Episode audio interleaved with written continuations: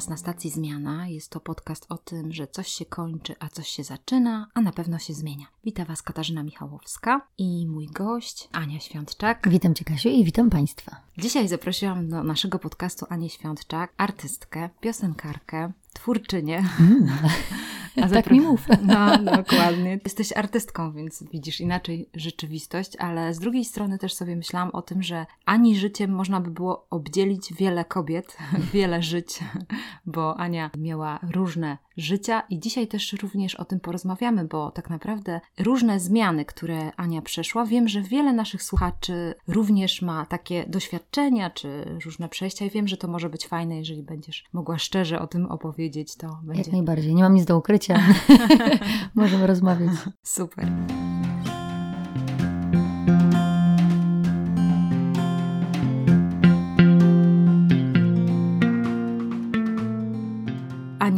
Mogłabyś nam powiedzieć o sobie, skąd pochodzisz, jaka jest Twoja historia, gdzie się urodziłaś? To jest bardzo fajne. Tak, fajne ze względu na miejsce, bo uwielbiam to, że jestem ze Śląska i urodzona w Katowicach. W tamtym momencie, kiedy mama była, jestem pierwszym, e, pierwszą córką, pierwszą dzieckiem rodziców. Mam jeszcze dwie siostry, więc e, mhm. takie byliśmy kombo większe. I myśmy wówczas mieszkali chyba w Sosnowcu. Mhm. Tak, ja przepraszam, ale w Sosnowcu. Jakieś takie koleje przez dosłownie kilka miesięcy, jakieś takie koleje życiowe rodziców z kolei nas tam e, zatrzymały na chwilę i z powodu tego, że dosyć duża umieralność była wówczas na oddziale, oddziale noworodków w Sosnowcu, mama postanowiła zacisnąć zęby i po prostu pogotowiem jechać do Katowic, tam mnie urodzić, więc wdzięczna jestem, choć dzisiaj w Zagłębiu bywam i, i mam tam mnóstwo przyjaciół, więc może tych takich e, antagonizmów nie wspieram, ale, ale najlepsze dowcipy są o Sosnowcu, więc ja urodzona w Katowicach, Mhm. Dosyć dawno, bo już 43 lata temu, także tych żyć faktycznie kilka się wydarzyło. Na chwilę obecną mieszkamy w, w, pięknym Gdańsku i bardzo z tego się cieszymy całą rodziną. Mam dwie córki, męża perkusistę, więc y, ciągle gdzieś tam w tej takiej muzycznej odsłonie funkcjonujemy. I dobrze nam jest z tym chyba teraz. Mam wrażenie, że teraz taki moment, znaczy no właśnie się kończy niestety, bo wracamy do Warszawy lada moment, mhm. ale jedna z tych takich odsłon takiego faktycznie spokoju, jakiejś takiej familijności, jeżeli taki wyraz istnieje, to właśnie doświadczamy teraz. Mam wrażenie, że i naprawdę to powiem z pełną świadomością słów, które używam, że od Pana Boga dostaliśmy te wakacje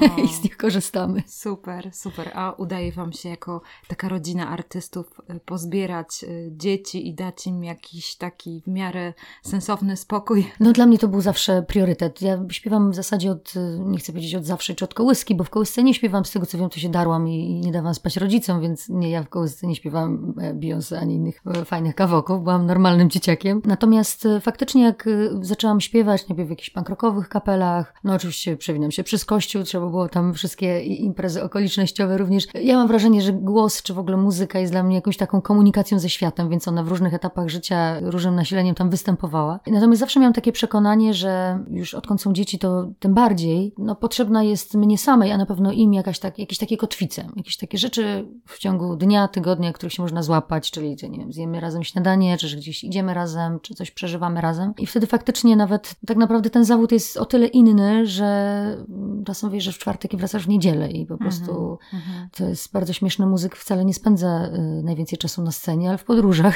więc mm-hmm. tego doświadczamy. To jest może taka, taka trudniejsza dla mnie rzecz, odkąd mieszkamy w Gdańsku, że no stąd jest daleko, wszędzie. No, więc no, dziewczynki są w takim wieku, że tam potrafią mi coś tam nawet ugotować i gdzieś tam o, o, o siebie zadbać, no ale nadal nie w takim, żeby je porzucić albo zostawić na tam parę tygodni. E, natomiast plusem jest to, że to są tak naprawdę weekendy w tygodniu. Myślę, że niewielu rodziców może sobie pozwolić na to, żeby zjeść śniadanie z dzieckiem zawieźć do szkoły, z tej szkoły odebrać, ugotować obiad, w międzyczasie coś tam zrobić, a to się dzieje od poniedziałku do czwartku, powiedzmy tak przysłowiowego, bo, bo, bo, bo czasami, czasami to różnie bywa, więc nie, myślę, że i dla dzieci, ale ja sama dla siebie potrzebuję wiedzieć, że jak wchodzę na scenę, to tam się otwieram i może się zadziać wszystko. Natomiast jak z niej schodzę, to, to uwielbiam wracać do swojego domu. I myślę, że jak czasami rozmawiam z moimi koleżankami czy kolegami, którzy osiągają zdecydowanie większy sukces, przestrzeń czy zasięg mhm. E, muzyczny na scenie niż ja, to chyba takim największym nagrodą jest to, że po tym rock and roll na scenie po prostu wracasz do domu, gdzie jesteś kochany, gdzie kochasz, gdzie to wszystko ma ręce i nogi. Bez tego jest trochę trudno. Moje, moje osobiste tylko obserwacje. Aniu, tak jak powiedziałaś, darłaś się w kołysce, ale w pewnym momencie odkryłaś śpiew i zaczęłaś śpiewać. Jak to się stało, że jakoś odkryłaś ten talent? Czy to mówisz, że muzyka była zawsze z tobą? Czy to oznacza, że człowiek, no po prostu, no nie wiem, jakoś słyszy w każdym otwieraniu, zamykaniu okna rytm? Czy to oznacza, że do wszystkiego może jakoś sobie dopisać mhm. muzykę? To właśnie tak jest? Czy... Tak, y, śmiesznie to zabrzmiało, bo faktycznie tak się zaczęłam zastanawiać, może, może ten ryk, znaczy marketingowo powinnam powiedzieć, że ten ryk w pewnym momencie się uformował w zwrotki i hmm. powstawały pierwsze piosenki. Nie. Muzyka towarzyszyła tyle, że u nas w domu zawsze grała. Czy to radio, czy płyty. Tata jest fanem, znaczy dzisiaj fanem winylów. Kiedyś po prostu słuchał płyt, a one mm -hmm. były na płytami winylowymi. Sam był też perkusistą. Mm -hmm. Mama z kolei śpiewała w jakimś big beatowym zespole, więc szukanie muzyki, słuchania i przeżywania coś, to jest jakaś taka kultura chyba, która po prostu, którą wyniosłam z domu. Ja pamiętam, wspominam czasami to wydarzenie, bo pamiętam je, jak miałam 6 lat, zajęłam jakieś miejsce w jakimś konkursie piosenki przedszkolaka o jesieni, co było takie śmieszne, no bo później, paręnaście lat później zaśpiewam, pamiętasz, była jesień, dlatego to tak nawiązuje. Kiedyś to odkryłam i tak to opowiadam. I pani już w przedszkolu mówiła, o, że tam Ania ładnie śpiewa. Poza tym ja to takim dzieckiem trochę byłam występującym, na zasadzie to mnie rodzice czy babcia stawiali na krzesełko na imprezach domowych, no tam były różne śpiewy. Zmuszałam moje młodsze siostry do różnych występów, organizując tam jakieś całe takie wielkie spektakle. Tu ktoś wiersz powiedział, tutaj zaśpiewał. One 5 4 lat ode mnie młodsze naprawdę przeżywały katusze, bo jak to takie dzieci typu, nie wiem, tam 6 czy 7-letnie, miały inne rzeczy w głowach, a nie występy ze mną i całodniowe próby, a ja tam nie popuszczałam straszliwie, ja tam Kasię i Magdę męczyłam. Także jeżeli słuchają, to bardzo was to przepraszam. ale też same się zajmują, znaczy zajmują muzyką niezawodowo, ale, tak. ale, ale lubią. To chyba jest tak, że tam poza tymi momentami, że właśnie gdzieś jakiś konkurs, gdzieś ktoś mhm. powiedział w szkole muzycznej, że na pianino nie, może na skrzypce, bo widzę, że masz dobry słuch. Ani rodzice specjalnie z tym nie chodzili, nie zabiegali, nie biegaliśmy po jakichś różnych zajęciach, terapiach innych, żeby to odkryć. Po prostu się gdzieś samo pojawiło i tak zaczynało przykrywać inne rzeczy, inne zainteresowania. No potem oczywiście się musiało uformować, stąd te wszystkie pankrokowe kapele, bo ja i wtedy byłam mocno zbuntowana, więc szukałam, jak tutaj wykrzyczeć to wszystko przeciwko mm, czemu się zwracam, a był taki moment w swoim życiu, że chyba przeciwko wszystkiemu. Tak jakoś nastąpiło w takim nastoletnim e, życiu, a potem jakiś zespół wokalny w szkole podstawowej, mm -hmm. jakieś pierwsze solówki, mm -hmm. jakieś pierwsze brawa na tych solówkach w moim kochanym Lublińcu, w którym do tej pory zresztą wszyscy w zasadzie poza mną z mojej rodziny mieszkają. I chyba dopiero w, tam gdzieś w, siódm, w ósmej klasie taka świadomość, że, hmm, że jest studio piosenki w Opolu, więc można byłoby pośpiewać, trochę się tak doedukować wokalnie może, nie tyle muzycznie, bo do tej pory muzyka to była dosyć albo klasyczna, albo właśnie ten rock and roll. A jakoś tak nie wiedziałam, gdzie swój głos umieścić i tam y, dostałam się do, do tego studia, tam były przesłuchania, zresztą szanowna pani Ela Zapędowska mnie wówczas przesłuchiwała. Tam rozpoczęłam taką edukację czteroletnią, dojeżdżałam -hmm. sobie z, z Lublińca, no i Rozpoczęły się jakieś takie też lokalne koncerty, ale też kontakty. No i jak już stanęło na tym, że już wszyscy ze studia piosenki przyjechali na e, casting do Warszawy, do programu Szansa na sukces, no to i przyszła pora na mnie, no i tak się jakoś złożyło, że tutaj wygrana i coś, ale ja już myślę, że wtedy na tamtym etapie już miałam w głowie taką chęć, żeby to po prostu robić. -hmm. Do końca -hmm. nie, nie, nie, nie rozumiałam tego, nie tyle, że nie rozumiałam, nie wiedziałam, jaki to będzie miało zasięg. Trzeba pamiętać, że 20 lat temu był jeden program tego typu muzyczny z takimi amatorami, którzy gdzieś tam z różnych różnych zakamarków Polski przyjeżdżają i występują. I trzeba też pamiętać, że cały show biznes się ograniczał do programu pierwszego, drugiego, do festiwalu w Opolu i w Sopocie. Koniec, kropka. Mhm. Teraz każda telewizja ma swój, tak samo ważny. Wtedy to było naprawdę coś, wystąpić w tej jednej, jedynej telewizji i, i gdzieś się tam pojawić. Faktycznie zaowocowało to kilkoma jakimiś tam propozycjami, jak... ale wtedy już, wtedy myślę, że już w tej szansie na sukces byłam jakby taka już nastawiona na to, że chciałabym w ten sposób pracować. Mm -hmm. Oczywiście moje wyobrażenia pracy. A ile lat miałaś inne. wtedy? Jak... 19. Jak przyjechałam do programu to 18, 18. a finał tego programu i, mm -hmm. festiwal w Opolu mm -hmm. w wyniku mhm. wygranych był właśnie, kiedy miałam 19 lat, czyli mhm. matura i takie no, ważne decyzje. Ja, Dokładnie. Ja się dalej. próbowałam dostawać na politologię, ja chciałam być tutaj politologiem, to mnie najbardziej interesowało, więc tak próbowałam to trochę łączyć. No. Mhm. Pamiętam ten twój występ, to ciekawe jest, o. że pamiętam, że zaśpiewałaś, powiedziałaś coś i ja myślę sobie, ja, jaka fajna dziewczyna. Naprawdę, to było takie fajne. Myślę sobie, jej, jaka utalentowana, jaki ma super głos. Mogę się utożsamić z wieloma osobami, które wtedy na ciebie patrzyły i hmm. myślały sobie, jeny. I jakoś zapadłaś mi w pamięć, tak mogę mhm. powiedzieć. I myślałam sobie, no ciekawe, ciekawe jak, jak życie, jak dalej to życie się potoczy, mhm. bo no to nie jest łatwy zawód, bo tak myślę sobie, że przedwczoraj słuchałam wywiadu z panem Gadowskim i on powiedział, że, bo on jest akurat z takiej muzykującej rodziny, jego rodzice mówili absolutnie nie, nie bądź mhm. artystą, bo to jest ciężki chleb, a teraz on e, no, starał się jakoś e, pomóc swojej córce, no bo ona tam ma jakiś album nowy, Aha. że on akurat jej nie zabraniał, ale mówił, że to jest trudne, mhm. że to jest mhm. bardzo trudny zawód. Trudne do wymierzenia też, nie? W mhm. sensie w sporcie wiadomo, ktoś dobiega pierwszy, nie wiem, w, ktoś ma wyniki w biznesie.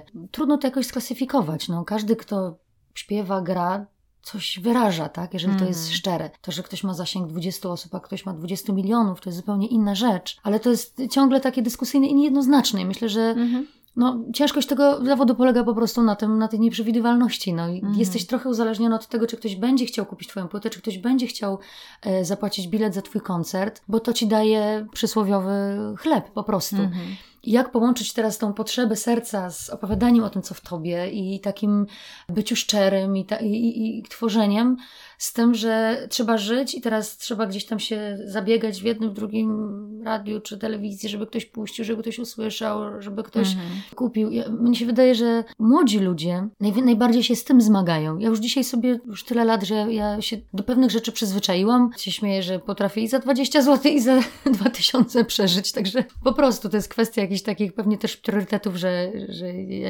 nie czułam się chyba dobrze w willi z basenem i z ochroniarzami, więc jakby cieszę się, że to mnie nie, nie spotyka spotyka, ale myślę sobie, że w ogóle artyzmie jakimkolwiek, bo przecież to dotyczy w ogóle ludzi sztuki, czy to aktorów, czy, czy, czy to zarzuca się, że o, aktor, który tutaj świetny nagle zagrał w serialu, że to jest jakieś takie dewaluujące jego, ale właśnie na tym chyba najbardziej polega ta trudność, bo ja szczerze powiedziawszy, wychodząc dzisiaj na scenę przed, już to też sobie przerobiłam, przed naprawdę nawet dwiema osobami, to jest coś w ogóle jakiegoś metafizycznego, co przeżywasz. To, to nie jest tak, że odjeżdżasz w ogóle i potrzebujesz, nie wiem, tam przypalić, żeby, żeby się znaleźć w tym trzecim kręgu, tylko naprawdę autentycznie doświadczać doświadczasz czegoś, że coś się więcej niż ty sama dzieje się z tobą na scenie, po prostu. Mm -hmm. To, co mówisz, to, co śpiewasz, no to jest na pewno warte wszystkich tych 20 zł na mhm, miesiąc, mm -hmm. ale, ale na pewno bywa kłopotliwe. Dzisiaj, gdzie my wszystko chcemy tutaj wypisane, tak. odtąd dotąd, 14 dostanę tyle, 18 dostanę mm -hmm. tyle. Myślę sobie, że kiedy ma się też 18-19 lat, to no raczej myślisz o swojej pasji, o tym, jaka jesteś, jak, jaki masz kształt i że no co zrobić, jeżeli taka mhm. jesteś, prawda? Kiedy mhm. masz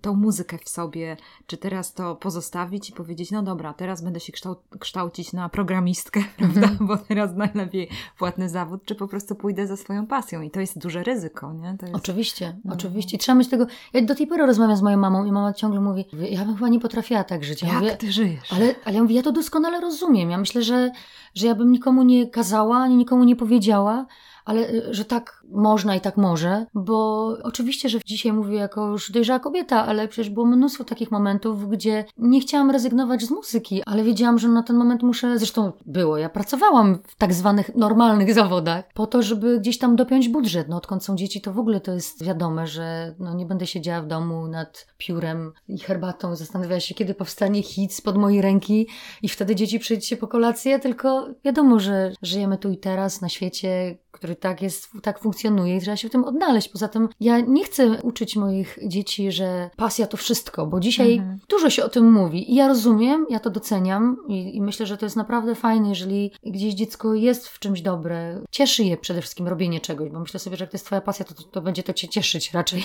więc to jest taki pierwszy papierek lakumusowy. I jesteś szczęśliwa robiąc to tak, no to git, idziemy za, dalej, bo to też czasami bywa teraz, że ja myślę, że moje dziecko będzie gitarzystą, ja myślę, że ono będzie gitarzystą i dawaj. I Inwestujemy. po prostu dzieciak tam siedzi nocami i w ogóle jedyne czym marzy to, żeby tę gitarę po prostu spalić.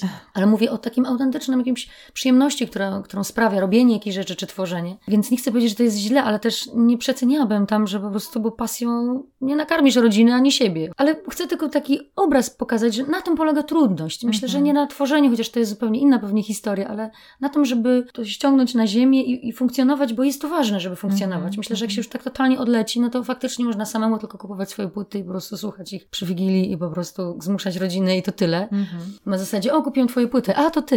Mhm. Więc jak, jak, rozmawiamy o pasji, to trzeba całość mhm. pokazać e, tego zaplecza. Tak. I wydaje mi się, Aniu, nie wiem, czy mam taką dobrą intuicję, mhm że to chyba jest coś, co wyniosła się z domu, bo y, nie zawsze się myśli o tym, żeby tą pasję znieść na dół. Mhm. To jest jedna sprawa. Druga sprawa, na przykład nie przejmować się tym, że będę musiała jakoś dorobić, nie? Że, że nie wiem, nie, nie być, nie księżniczkować, nie? Mhm. Że ojej, teraz tutaj mi się nie udaje i tak dalej, i teraz jak to jest, że ja tutaj muszę coś robić. Mi się to kojarzy trochę właśnie z twoim pochodzeniem, dlatego mhm. zapytałam cię o ten Śląsk, bo tak. ludzie Śląska to są ludzie Familia. pracowici, dokładnie, I... pracowici, taki właśnie kobiety są dzielne, nie narzekają, idą do przodu i to naprawdę bardzo cenię. Faktycznie w domu, zresztą w ogóle na Śląsku jest, no nie ma żadnej giętki mebli i miękkiej gry. Jest faktycznie mm, jakieś coś do zrobienia, to, to, to się robi. Natomiast ja myślę, że w domu faktycznie taki balans, bo jesteśmy bardzo rodzinni i do tej pory, mimo że ja mam dwie siostry i każda z nas ma rodzinę, to nie tworzymy jakiejś wielkiej społeczności, bo tak liczebnie jesteśmy dosyć małą rodziną. Do tej pory się spotykamy codziennie gdzieś tam na Skype'ach czy na jakichś innych takich wideach, gdzie widzimy, widzimy się nawzajem, w jakichś takich komunikatorach rozmawiamy, więc naprawdę jesteśmy ze sobą blisko i głęboko i to jest bardzo ważne. Myślę, że to każdemu z nas, bez względu na zawód, który uprawiamy, daje siły, jak pewnie każdemu z nas w ogóle. Ale ja zawsze miałam takie poczucie, że muzyka jest, że to nie jest tak, że ja muzykę mam w sobie i teraz w związku z tym patrzcie na mnie, bo to ja jestem, w której jest ta muzyka. Ja zawsze wiedziałam, że ta muzyka jest gdzieś wyżej, trochę dalej, o wiele większa ode mnie, więc to mi zawsze dawało takie poczucie, że to jest naprawdę przywilej obcowania, robienia coś. Tak a propos takiego księżniczkowania. Nigdy chyba się nie czułam w swoim życiu tak, że no, to teraz słuchajcie, ja wam powiem, że ja właśnie śpiewam i ja w tym jestem dobra i teraz e, słuchajcie, nie wiem, musicie mnie teraz adorować albo cokolwiek. Wspominam o tym ze względu na e, moje córki, bo, bo obie lubią muzykę, obie mm -hmm, śpiewają, mm -hmm. mają z tego po prostu frajdę. Staram się im przekazać ani nie to, że nie, na pewno tego nie róbcie, bo to jest trudne, ani wiesz co, tu zdecydujcie się, ale to jest trudne. Każda ma inną drogę. Inny ktoś ma 13 lat, zostaje odkryty i robi wielką karierę i, i może się jednym wydawać, że to jest właśnie to, o co chodzi, a są w Polsce zespoły, o których nikt nie słyszał, a mają full, wyposiadają bilety w przeciągu godziny, domowe melodie, pozdrawiam serdecznie, uwielbiam to, co robią. Sukces, który mógłby ewentualnie tak zadowolić oko tak przeciętnego człowieka, który w muzyce nie robi, jest bardzo mało mierzalny i bardzo zależy od tego, co ma się w głowie, więc mm -hmm. mnie zawsze chodziło o to, żeby po prostu móc z tym obcować, po prostu śpiewać, po prostu stać na scenie, y, mieć muzyków za sobą.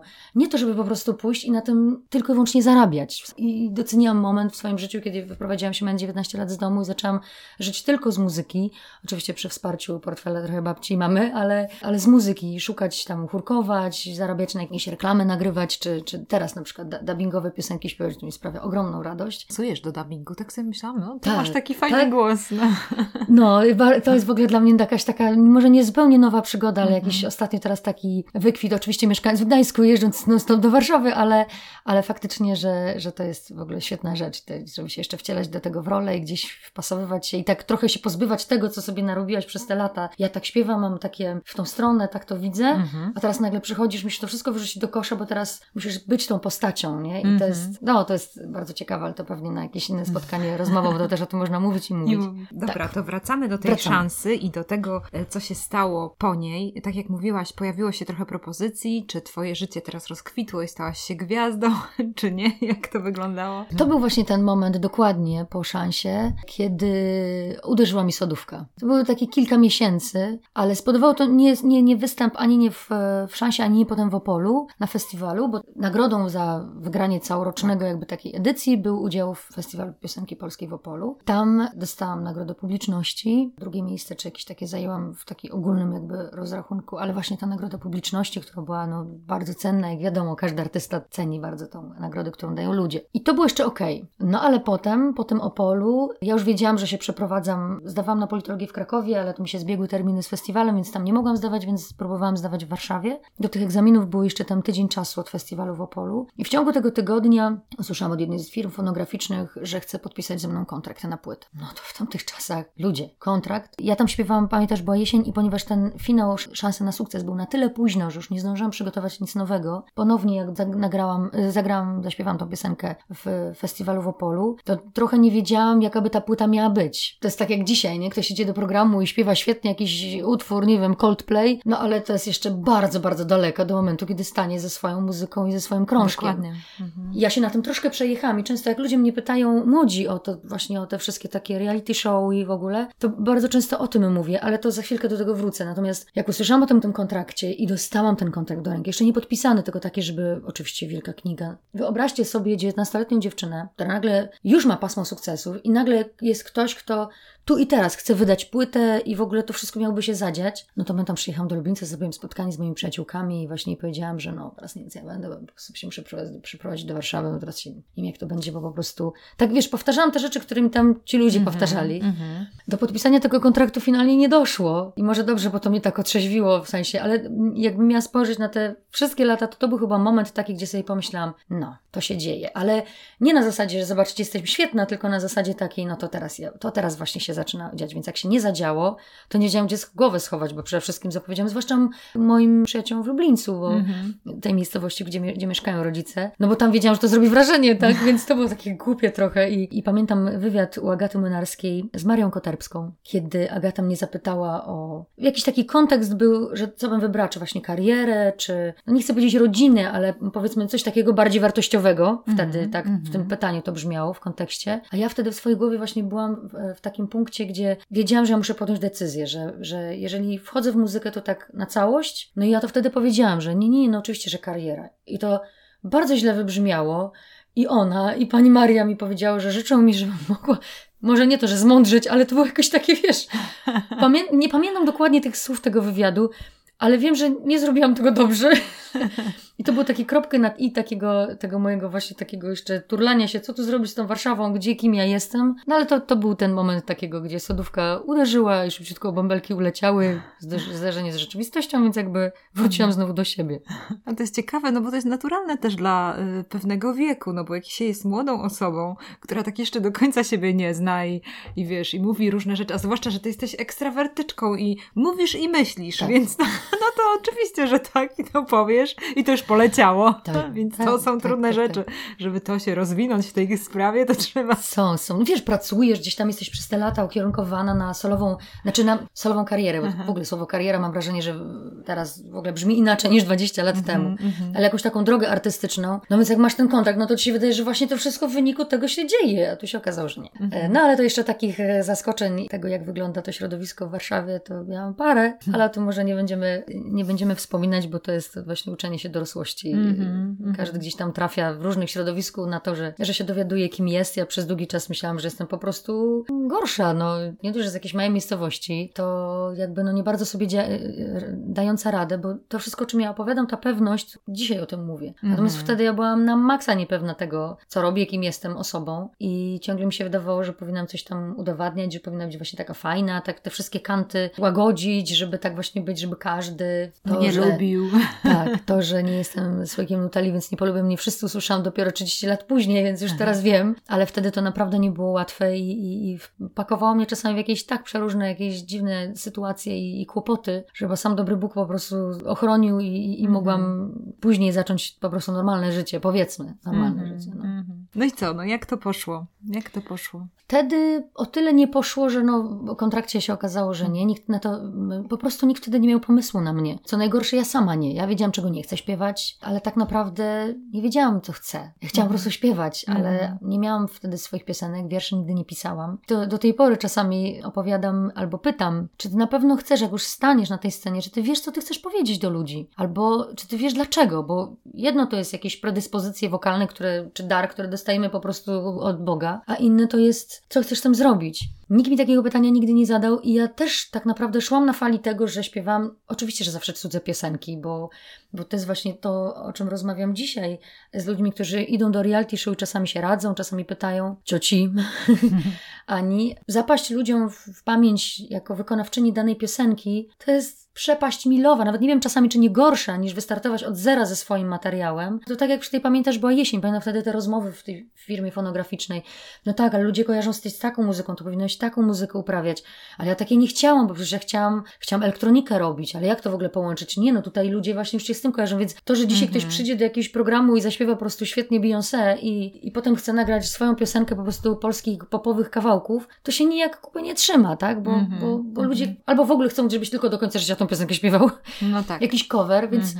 to naprawdę jest warte zadania sobie pytanie, po co? Ale tak naprawdę samemu sobie, po co? Mhm. Też stać na scenie, bo przecież można śpiewać w domu dla bliskich i to też sprawia frajdę. Jeżeli to jest w tobie, to i tak będzie ci sprawiało frajdę. Ale jeżeli już tam chcesz stanąć, to po co? Ponieważ ja nigdy takiego pytania sobie nie zadawałam, to, to wówczas to utknęło w martwym punkcie. Mhm. Może zabrakło mentora, jakiejś osoby, Na która pewno. by ci pomogła. Na Mhm. pewno, ale ja też nie mam jakby żalu do nikogo, bo Tak. mnie to zmobilizowało do tego, co prawda zajęło mi to naprawdę kilka lat, bo wtedy jedyne co się wydarzyło, znaczy wiele że fajnych rzeczy wydarzyło, jakby owocem tych wszystkich występów było to, że no dobra, na salową płytę nie mamy pomysłu, no ale będziemy śpiewać chórki, no więc y, z tymi gwiazdami tej, tej, tej wytwórni, czy z Natalią właśnie wtedy Kukulską, czy panią Marlą Rodowicz mi się zdarzyło pośpiewać. Tych chórzystek też nie było wtedy wiele, więc myśmy się znały nawzajem i nawzajem gdzieś tam sobie pomagały, czy tam z różnymi artystami, czy przy jakichś programach muzycznych, które powstawały. To było o tyle fajne, że nadal śpiewałam, czyli robiłam to, co chcę, ale też zarabiałam pieniądze, co mi pozwoliło się usamodzielnić tak na te, na te parę lat w Warszawie, która wiadomo, no jakby realia, ja tam, rodzice to zawsze wiedzieli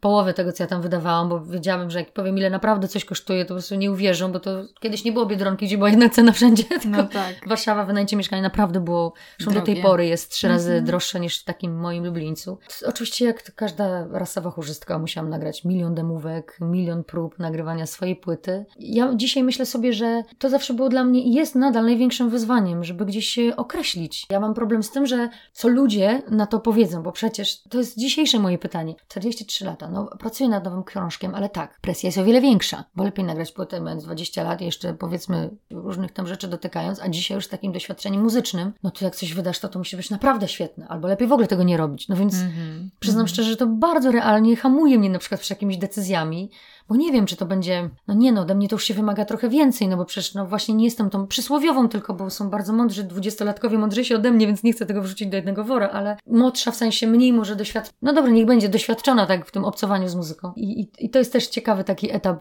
w- życiu, myślę, każdego, kto tam tworzy albo chce coś robić od, Mhm. od zera swojego, czyli od napisania piosenki po, po ją później prezentowanie i, i tłumaczenie się, dlaczego akurat taka, a nie inna. Tak, i już tak y, patrząc na różne ścieżki życiowe, które wybieramy, albo zmiany w życiu, które przechodzimy, że mm, to też dużo zależy od kształtu, bo y, jesteś artystką, y, to jest jakiś dar, to, że umiesz pięknie śpiewać, ale z drugiej strony masz kształt, że jesteś ekstrawertykiem, wiele rzeczy Cię interesuje, jesteś ciekawa świata Mhm. i wtedy bardzo trudno też te czasami cechy połączyć, bo Mhm. jakbyś była taką melancholiczką, która tak se wykmini, siedzi w domu i tam kmini, kmini, kmini i wykmini, że ona właśnie chce iść w tym kierunku, Tak. wiesz. Często jest tak, że ci, którzy są tacy bardzo zdecydowani i wybrali tą ścieżkę, to prawdopodobnie to są tacy, jak to powiedzieć, tacy introwertycy, którzy Mhm. gdzieś tam sobie to przekminili. Mhm. Prawdopodobnie dużo ich to kosztuje, że wychodzą na scenę i tam się trochę spalają Mhm. i pewnie nie pogadasz z nimi po występie. Taka jesteś, taki masz kształt Tak. i, i to nie jest takie proste, żeby tak się teraz, nie wiem, powiedzieć, jestem trójkątem albo jestem kwadratem tak, nie? i już tak. będę do końca życia kwadratem, bo, Mhm. bo ciągle będziesz miał uczucie tych rzeczy, zmarnowanych szans w cudzysłowie, nie? Że ile, ale jeszcze mogłabym to i to i Tak, to. tak, tak, tak, Więc tak. to jest takie... No to sporo. Ciekawe. y, Dziękuję pani doktor. proszę bardzo, proszę. Sporo, sporo w tym prawdy i, i dlatego Mhm. mnie to ciekawi, że ja ciągle w tym jestem, jakby wiesz. Tak, Już tak. jestem po tym etapie, gdzie naprawdę zaakce- znaczy zaakceptowałam, to tak brzmi coachingowo, ale, ale to się s- stoi u podstaw w ogóle Tak, wszystkiego, że po prostu tak. przyjmujesz to, że właśnie taka jesteś, że to cię cieszy, a nie to, co cieszy tą artystkę na przykład, wiesz, czy Tak, artystę, tak, bo to też tak. jest takie ludzkie, że szukamy gdzieś wśród w tym naszym środowisku, a ten to sobie poradziła, a ten to w ogóle to zrobił. A mi czasami Mhm. najnormalniej w świecie brakuje też odwagi po prostu, żeby Mhm, coś e, głośniej powiedzieć, ale no to się, tak jak mówisz, składa na to, kim jestem ja i, i, i będzie się składa, kim każdy z nas gdzieś tam jest, więc myślę, że Mhm. tak spojrzeć na siebie i, i trochę polubić. My czasami się kochamy, ale wcale nie lubimy, więc No, jak, i polubić to, że, że tacy jesteśmy, że ja czasami się czuję jak takie kłębowisko po prostu wszystkiego. Dokładnie to ci przyjdzie do głowy, to właśnie wszystko jest gdzieś tam jakimś wypadkową, albo właśnie niewypadkową. To jest taki kłęb. Kiedyś widziałam świetny rysunek na Facebooku, że jest głowa i na tą głowę taka jeden, taki po prostu jeden kołtun wielki. Nie? Ten, I po terapii jest ta sama głowa i kilkanaście takich kołtuników, więc jakby ja się dokładnie tak czuję, że jakby z tego jednego kołtuna możesz ewentualnie kilka Aha. innych uporządkować, ale Aha. nadal to jakby... Jest w chaosie. I ja już jestem no. dzisiaj fine z tym, ja już jestem z mhm. tym okej okay i mnie to nie przeszkadza. Myślę, że dzisiaj młodzi ludzie mają o wiele więcej takiej odwagi do życia, że my mhm. ciągle, my, tak mówię o pokoleniu, bo po rozmowach gdzieś tam z, z, z przyjaciółmi wiem, że my zawsze tam ze trzy razy się zastanowimy, czy coś mhm. powiedzieć, czy to na pewno wypada, czy to jest okej, okay, czy to jest poprawne politycznie, czy to nikogo nie zrani. Wiesz, siedzisz i zanim wypowiesz słowo, to już to już prawdopodobnie nie wypowiesz od samego myślenia o tym, co ono mogłoby spowodować. A dzisiaj ludzie młodzi nie myślą aż tak, nie kminią właśnie niepotrzebnie. Czasami wychodzą jakieś babole, ale, ale w większości chyba wychodzą fajne rzeczy, no i pchają nas do, do no ale to taka różnica pokoleniowa. Mam nastoletnie córki, stąd tak obserwuję to i, i siedzę w domu i taki domorosły psycholog, wiesz. Patrzysz, uczysz się. Patrzę tak. i się uczę. No. Oj, można się dużo od nastolatków nauczyć. Bardzo. To jest wielki potencjał.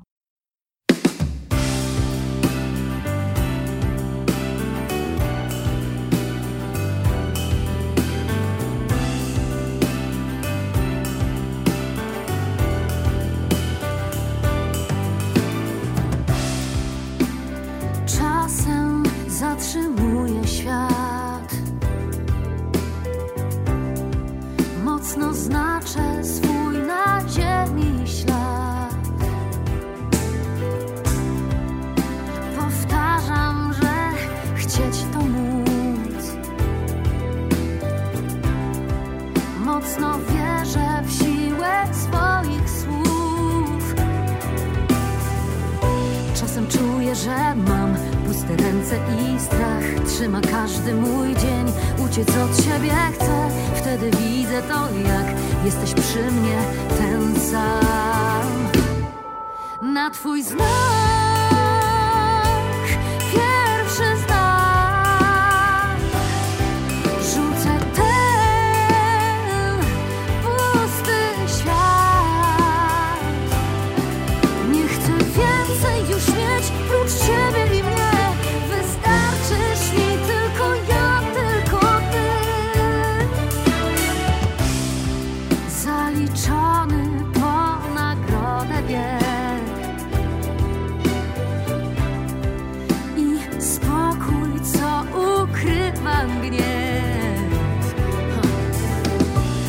Czuję, że mam puste ręce i strach. Trzyma każdy mój dzień Uciec od siebie chcę. Wtedy widzę to, jak jesteś przy mnie ten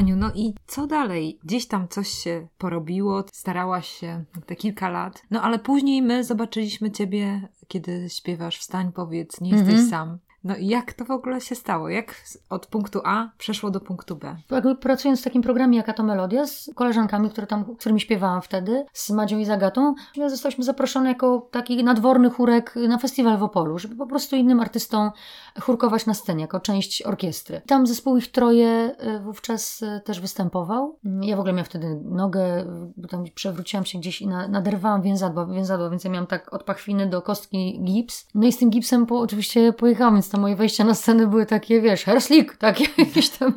W każdym razie tak na sztywno wchodziłam. I tam menadżer zespołu podszedł do mnie i zapytał, bo zespół wtedy rozstał się z wokalistką i ja oczywiście przyzwyczajona do tego chórkowania po prostu byłam trochę jednak taka przekonana, że, że to właśnie o taką rolę by chodziło. I, I zastanawiałam się, bo już wtedy jakby w świadomości zespół ich troje był mocno kontrowersyjny. Mhm. Chociaż ja usłyszałam zespół ich troje w Radiu Z, które pewnie by nie Mhm. chciało o tym pamiętać. Zwłaszcza ze względu na tą postać Michała, taką charyzmatyczną i na to, że zrobił coś, co się jeszcze nikomu nie udało w tym kraju. I ja pamiętam, że wchodziłam do zespołu z taką myślą, ahoj, przygoda, po prostu. Jak się okazało tam główny wokal, trochę się bałam nie ze względu na repertuar, ani na to, jak się kojarzy ten zespół, tylko trochę się bałam, czy ja w ogóle to udźwignę jakby, bo wiedziałam, że ta się wokalistki to taka mocna postać, więc chociaż pewnie tak wszystkiego nie byłam w stanie sobie przewidzieć wtedy wchodzić do, wchodząc do zespołu. No ale postanowiłam spróbować. Śmieszne jest to, bo faktycznie do tej pory tak jest, że, że niektórzy ludzie, którymi się wtedy znałam, jako chórzyści w ogóle przestali mówić cześć na przykład, nie, no bo to takie jakieś Mhm.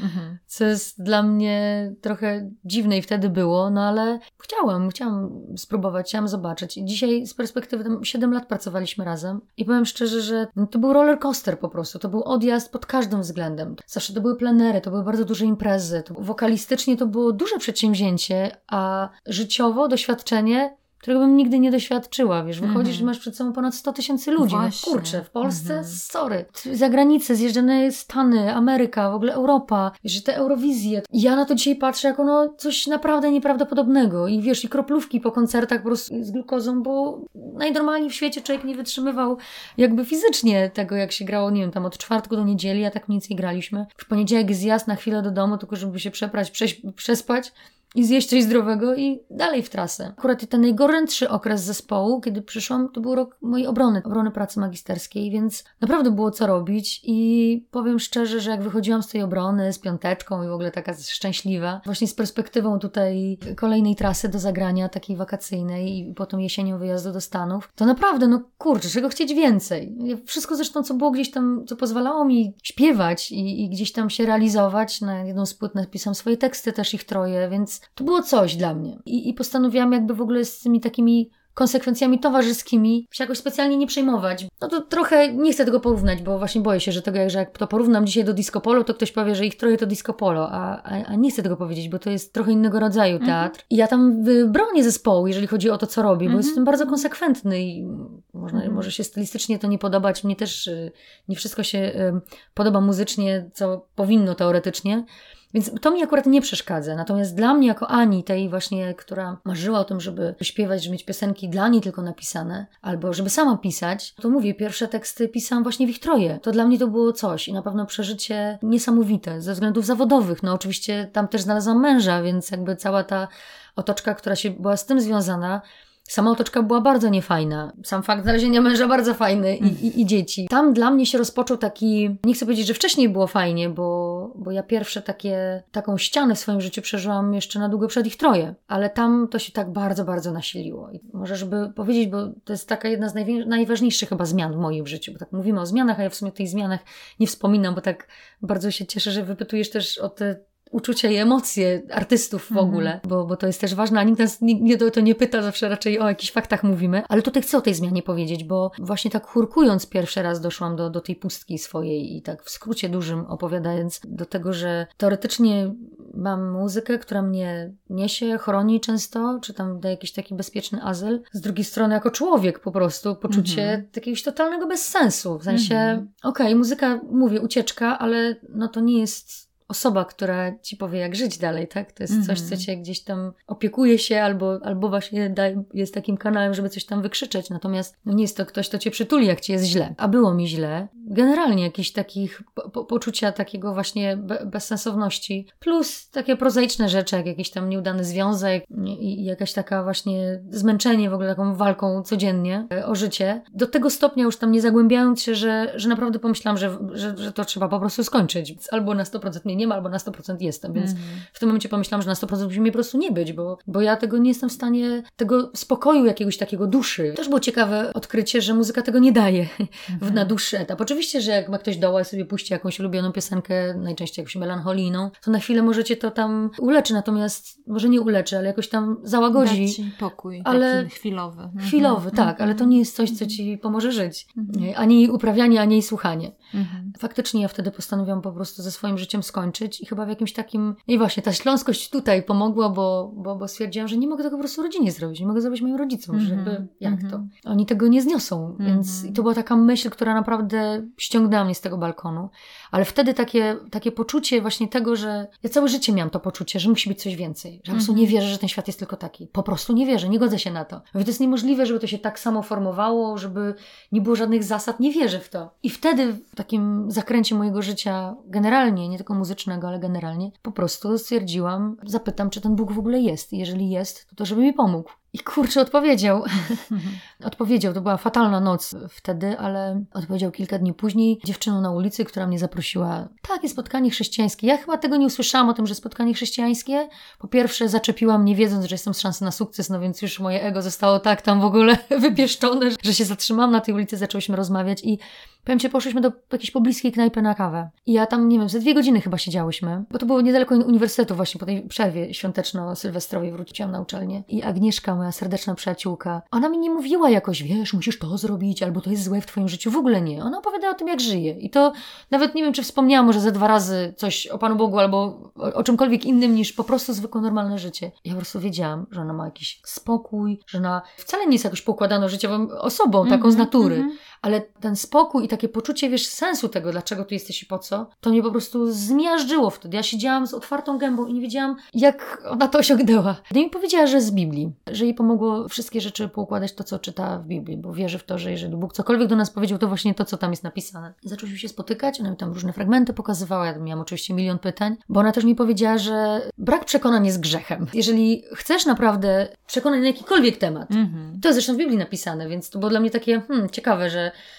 że Pan Bóg nie ma nas za takich te przysłowiowe owieczki, które nic nie wiedzą, nic nie rozumieją, tylko mają iść w jakimś kierunku, nie wiadomo dlaczego, tylko naprawdę dał nam umysł do tego, żeby to ogarnąć, żeby podjąć decyzję, wolną wolę. Wiesz, dla mnie to było nowe, bo, bo wszystkie sprawy związane z religią, tu pokazałam cudzysłów, to były takie, wiesz, metafizyczne, nie wiadomo czemu, ale musisz tam iść, nie? Musisz w tą niedzielę być tam. Nie wiadomo po co, nie wiadomo co ci to daje, ale musisz gdzieś tam być. Więc to mi nigdy nie pasowało, mimo tego śpiewania w, kościo- w kościele, to niczego tam więcej nie widziałam. A tutaj się okazało, że nie, że Bóg właśnie nie jest taki, że On nie chce, żeby wiedzieć, co On ma dla mnie, albo, albo co On myśli na mój temat. No i to naprawdę mi pomogło jakoś tak się poznać z Nim i przede wszystkim z tym, co myśli o mnie i, jak to wygląda. Byłam zaskoczona. Nie miałam zielonego pojęcia, że On jest taki, że takie rzeczy są w ogóle w Biblii. Nie miałam zielonego pojęcia. Ten pierwszy moment, który doprowadził do tego, że okej, fajnie, poznałam Boga, podjęłam bardzo radykalne decyzje w swoim życiu, nawet taką, że ja zarzucam tą pracę muzyczną. Bo na, ten, na tamten moment mi to po prostu nie pomaga, a tylko prowadzi w jakieś takie kręgi, gdzie ja ani z tego nie jestem zadowolona, ani nie jestem w stanie jakoś tam racjonalnie działać. Sobie gdzieś tam w domu coś sobie tam popisywałam, ale to tak dla siebie. Natomiast natura ludzka jest taka, nie inna, że tam ciągle szuka, więc ja też cały czas szperałam. No dobrze, no to już ja wiem, że Pan Bóg mnie kocha, że jestem wartościowa w Jego życiu. To były dla mnie odkrycia nowe, jakkolwiek brzmią tak bardzo podstawowo. W pewnym momencie, tak mniej więcej po trzech latach, usiadam tak, no dobrze, no ale chwileczkę, no ale chwileczkę. Obiecuję, że tu będziemy w ogóle szczęśliwi, w ogóle, no to gdzie jest to moje szczęście? Gdzie jest ta moja muzyka? To moje miejsce bardziej w muzyce. I rodzina, i ten mąż, i w ogóle, wiesz, już wtedy miałam tam dwadzieścia parę lat, więc tych takich kwestionowania tego, że miał być, a nie jest, a czemu, a w zasadzie to ja nie wiem, bo tak milczysz i ja trochę, Pani Boże, nie wiem, czy to no dalej to, to jest napisane. Wiesz, jedna wątpliwość rodzi milion następnych, a Mhm, potem zaraz ci jeszcze mhm. przyjdą ludzie, którzy powiedzą, wiesz co, nie, ty musisz zainwestować w co innego, ty musisz odejść z tego gościa, ty idź, ty musisz to, wiesz. Mhm, mhm. Ale to było jeszcze przed tym, zanim poszłaś do ich troje, Tak. tak? To było ten moment. Ale Mhm. opowiadam tylko Mhm. dlatego, że potem już jest trochę z górki, bo ja postanowiłam po prostu znowu sprawę wziąć w swoje ręce. Mhm. Mhm. I po tych takich niespełnionych marzeniach, powiedzmy, które miałam i które tam Bogu wy, wypłakiwałam, no, nagle właśnie taki, takiego rozczarowania postanowiłam, że, no, że ja nadal jednak całe życie brałam sprawę w swoje ręce, tu znowu moja śląska natura, więc no. teraz, no jeżeli ma się coś zadzieć, to muszę po prostu to zadbać, a nie siedzieć mm -hmm. tylko i tam mówić o tym. No i zdecydowałam, że ja będę żyła jednak po swojemu. Pamiętam nawet to bardzo tak klarownie oświadczyłam gdzieś w lesie, pojechałam specjalnie, pomodliłam się, wie Pani Boże, ja decyduję, że po prostu wracam do swojego życia, bo, bo tu trzeba robić, no. Znaczy ja dużo robiłam, bo ja jestem w ogóle takim, że, że, że robić, zadaniowiec. Mm -hmm. Ale jakoś na tamten moment po prostu stwierdziłam, że to, co robię tutaj, tak jakoś w kościele czy z Panem Bogiem, to to w ogóle się nie przekłada na to, co się dzieje w moim życiu, więc ja muszę zacząć robić w swoim życiu. I to było bardzo ciekawe, bo ja przez trzy lata się modliłam o te rzeczy, o męża, o muzykę, o dzieci. I w momencie, gdy zrezygnowałam w moim przekonaniu z Pana Boga, on ze mną nie, ze mnie nie zrezygnował, ale kiedy ja zrezygnowałam, nagle te rzeczy się zaczęły dziać. Mm-hmm. Wtedy była jaka to melodia, na tym festiwalu w Opolu zaczepił mnie menadżer ich troje i zaprosił do współpracy. W rok czy tam półtorej, półtora roku później wychodziłam już za mąż. Później w przeciągu tam następnych trzech lat urodziłam dwójkę dzieci, więc jakby mm-hmm. te mhm. rzeczy, które ja tam wypłakiwałam się zadziały, ale trochę tak. jakby z daleka. Dokładnie. Śpiewałaś dla wielu ludzi, byłaś znana, tak. byłaś na okładkach wielu pism. Każdy... Tak ja sobie tak myślę, wiesz, te marzenia są ok. To, co daje pewność być przy takiego, takiego bycia z Bogiem i czekania jednak na to, jak Bóg zadziała, daj Ci pewność, że to po prostu trwa i jest dobry, i dla Ciebie jest w dobrym momencie. Tak dzisiaj sobie o tym myślę. Nie wiem, może zmienię kiedyś zdanie, ale dzisiaj sobie tak myślę, że to były dobre rzeczy, które się zadziały. Wcale nie twierdzę, że to było złe, wręcz przeciwnie w ogóle. Moje dzieci kocham nad życie i nie wyobrażam sobie Oczywiście. życia bez nich, wiadomo. Ale no, to wszystko nie przetrwało. Mhm. Pojawiły się zupełnie inne wyzwania, z jakiejś popularności, tego oceniania mnie. Takie, że w tych mediach, o które tak dbałam, żeby i te strachy, nie, tego to nie zaśpiewam śpiewam może, bo to ja bym chciała tak, wiesz, dbać, żebym ja była taka spójna wcześniej, -hmm, nie? -hmm. Nagle w ich troje, y, oprócz tego, że śpiewałam przeróżne rzeczy, to akurat nie jest nic złego, ale nagle opinie na mój temat były tak fatalne i tak jakoś w moim przekonaniu niesprawiedliwy, ale takie też z palca czasami wessane, wiesz. Już tam palicho jak wyglądasz, no bo to jak masz krzywe zęby, no to masz krzywe zęby, nie przeskoczysz tego, wiesz. Jak się napisze, że masz krzywe zęby, czy jesteś chuda, gruba, czy krzywa, no to, to wiesz o tym. Pamiętam wtedy byłam w ciąży i po prostu te wszystkie takie złożyczenia, wiesz, żeby zdechło dziecko, że ja do tego to, to było, wiesz, takie, że to były też te pierwsze takie hejty, nie? To były mm -hmm. pierwsze takie, również takie szczucie w tych gazetkach takich, wiesz, w słabym papierze. Nie wiem, czy to prawo wtedy się dopiero też jakoś formowało. Sam Michał obrywał zawsze. Znaczy naturalne z jednej strony, że on obrywa, to ja też będę, ale jak już się pojawiły dzieci, jak się właśnie zaczęło jazda, wiesz, po rodzinie, po dzieciach, no to, to było grubo, to, już było dla mnie za dużo, nie? To ja już pękałam, tak naprawdę pękałam i tak na zewnątrz i na duszy i miałam wrażenie, że, że po prostu tego nie przeżyję. I wiesz, i teraz wychodź na scenie, nie? W takim no, stanie. Nawet śpiewaj. nie mówię o tym, żeby się uśmiechać, bo tego się mm nauczyłam, da się mm -hmm. tego mhm. nauczyć, żeby zacisnąć zęby i ze złamaną nogą, czy tam z jakimś poronionym sercem wychodzić na scenie.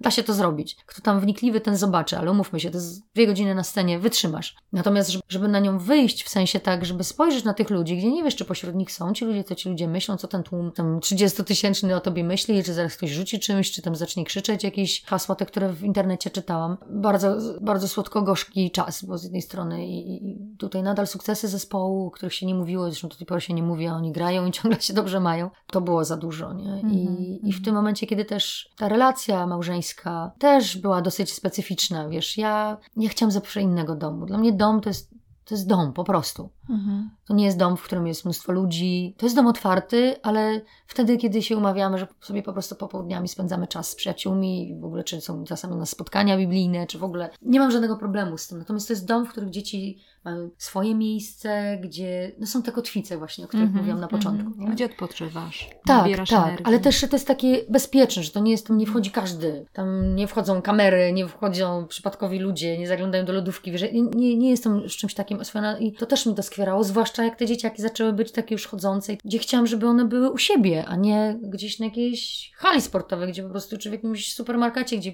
przychodzi każdy. No pewnie też jakieś tam różnice w jakimś takim światopoglądzie generalnie, które wyszły, jak, jak zresztą w ogóle w małżeństwach. To jest naprawdę bardzo ważne, że ja bardzo wierzę w to, że jak ludzie są z Bogiem, po prostu pogodzeni, nie modlą się do Niego, to łatwiej jest im spotkać się razem. Mhm. Z przekonaniami, z tym wszystkim. Natomiast y, jak tak są zupełnie dwie przypadkowe wyspy buszczone gdzieś tam, które się nagle zdarzają, mają ze sobą być, to jest w ogóle strasznie trudne do połączenia. No bo nikt nie ma tutaj racji jakiejś absolutnej. Nie można powiedzieć, że żyjemy tak, bo ja tak postanowiłam, bo żyjemy tak, bo ja tak postanowiłam. Więc wtedy też zobaczyłam to, że, że, że te nasze rozbieżności są takie, że po prostu trudno jest to wszystko zdobyć. Plus tam parę innych rzeczy, które zadecydowały o, o rozstaniu. I to był ciężki, bardzo, chyba najcięższy okres w moim życiu, ale i też dobry o tyle, że, że ja znowu tak zostałam, wiesz, potrząśnięta jak wtedy z tym kontraktem.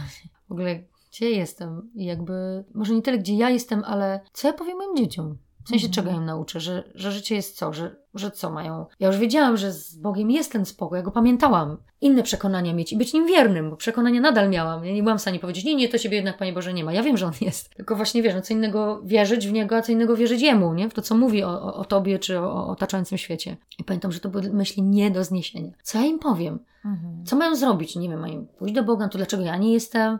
Mają tak żyć, czy tak żyć? Wiem, taki mętlik. Znaczy, ja gdzieś tam wiedziałam, co powinnam była powiedzieć, ale tak totalnie byłam niegotowa. Poza tym ja się zastanawiałam, wiesz, przecież powiedziałam Bogu nie, no to co, teraz mam nagle powiedzieć tak? No to głupie. Ja bym nikomu nie tak chyba nie, nie, aż tak łatwo nie, nie odpuściła. Mhm. I naprawdę, jak się wszystko zawaliło, w sensie praca, właśnie, no wiadomo, że jak się rozstaliśmy, to też się rozstaliśmy z ich troje, później z mieszkaniowymi, no wszystko po prostu, wiesz, Mhm. takie po prostu, że na dobrą sprawę tak siedzisz z tą dwójką dzieci i tak dzieci naprawdę dzięki, dzięki tylko Bogu Najwyższemu przeżyły bardzo łagodnie to, to wszystko i, i nie pamiętają, zresztą nigdy nie widziały żadnych jakichś takich scen, nic, które mogłyby im zapaść w pamięć. Oczywiście fakt jest faktem i jako już starsze dziewczyny przeprowadzaliśmy z nimi różne rozmowy, różne etapy przechodziły, bo to nie jest standard, ro- rozstanie nie jest standardowe i nie jest ani wolą Pana Boga, ani Jego marzeniem dla nas w ogóle. Jest jakąś możliwością wyjścia z sytuacji, ale trzeba pamiętać, że ma ogromną cenę i to nie taką, którą się załatwia tylko na sali sądowej, tylko długo, długo później, jak są Mhm. dzieci. Ja jako zadaniowiec, wiesz, jeszcze jakby coś tam było, to ja bym się tego chwyciła, ale jak się to Mhm. wszystko już rozpadło i po prostu tak, tak uciekało, no to znowu trzeba było stanąć, tak wiesz, prawdą z samą sobą, gdzie jestem i, i, i co robię, i co zrobiłam, co Mhm. dalej, że mimo tego, że myślałam, że nie, nie, nie wypada po prostu wręcz gdzieś tam w to niebo spoglądać i znowu prosić Pana Boga, no ale zrobiłam to i, i okazuje się, że Bóg mnie drugi raz przyjął. To jest niesamowite, bo ta moja przyjaciółka wtedy z tej ulicy, ta Agni- Agnieszka, mieszka na stałe w Paryżu i ona do mnie po prostu się połączyła Skype'em i zaczęłyśmy rozmawiać i po prostu zaczął się ciec z oczu i zaczęłam opowiadać, że jestem po prostu w takim tyłku, że ja się z tego już nie wydobędę po prostu, że już tym razem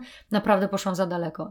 A muszę powiedzieć jedno jeszcze zdanie, że jak się jest z Bogiem, a potem nie jest, to jednak coś w tobie obudzonego dostaje takie rany, wiesz, takie kopniaki. I potem możesz doświadczać, znaczy tych samych rzeczy, ale rany są jakby głębsze takie. Ja miałam wrażenie, że takie bardziej dotykające w Mhm. tak naprawdę w serce, nie? że jakby to serce Pan Bóg ci zmiękcza, potem jak mówisz nie, nie, nie, ty po swojemu, to no nadal miękkie pozostaje. Bardzo nie, nie, długo nie mogłam sobie poradzić z tym i nawet na, o tym napisałam piosenkę, że chyba najtrudniej sobie wybaczyć sobie samym. Już sam Bóg nam wybacza, już daje nam drugą szansę, piątą, dziesiątą, już nas stawia gdzie indziej, a my ciągle możemy kisić się w takim nieprzebaczeniu samej sobie jakby takiego zabraniu tego, okej, Bóg mówi wybaczam, możesz zacząć od nowa Mhm. nie, nie, nie mogę, bo jeszcze to, jeszcze to, i Mhm. jeszcze to. I można naprawdę w tym Tak, skisnąć po tak. prostu i być człowiek siebie osądza. Mhm. udręką dla, dla siebie, dla innych dookoła. Mhm. Powiem, no może brzmi tak trochę kościelnie, ale taka jest była prawda. Ja się naprawdę modliłam o to, żeby Pan mógł mnie o wielu rzeczy uwolnił, żeby mnie nauczył, żebym mogła być dla tych dzieci, które mi dał po prostu takim przewodnikiem, nie wiem, cokolwiek. Dlatego taki dłuższą część powiedziałam tą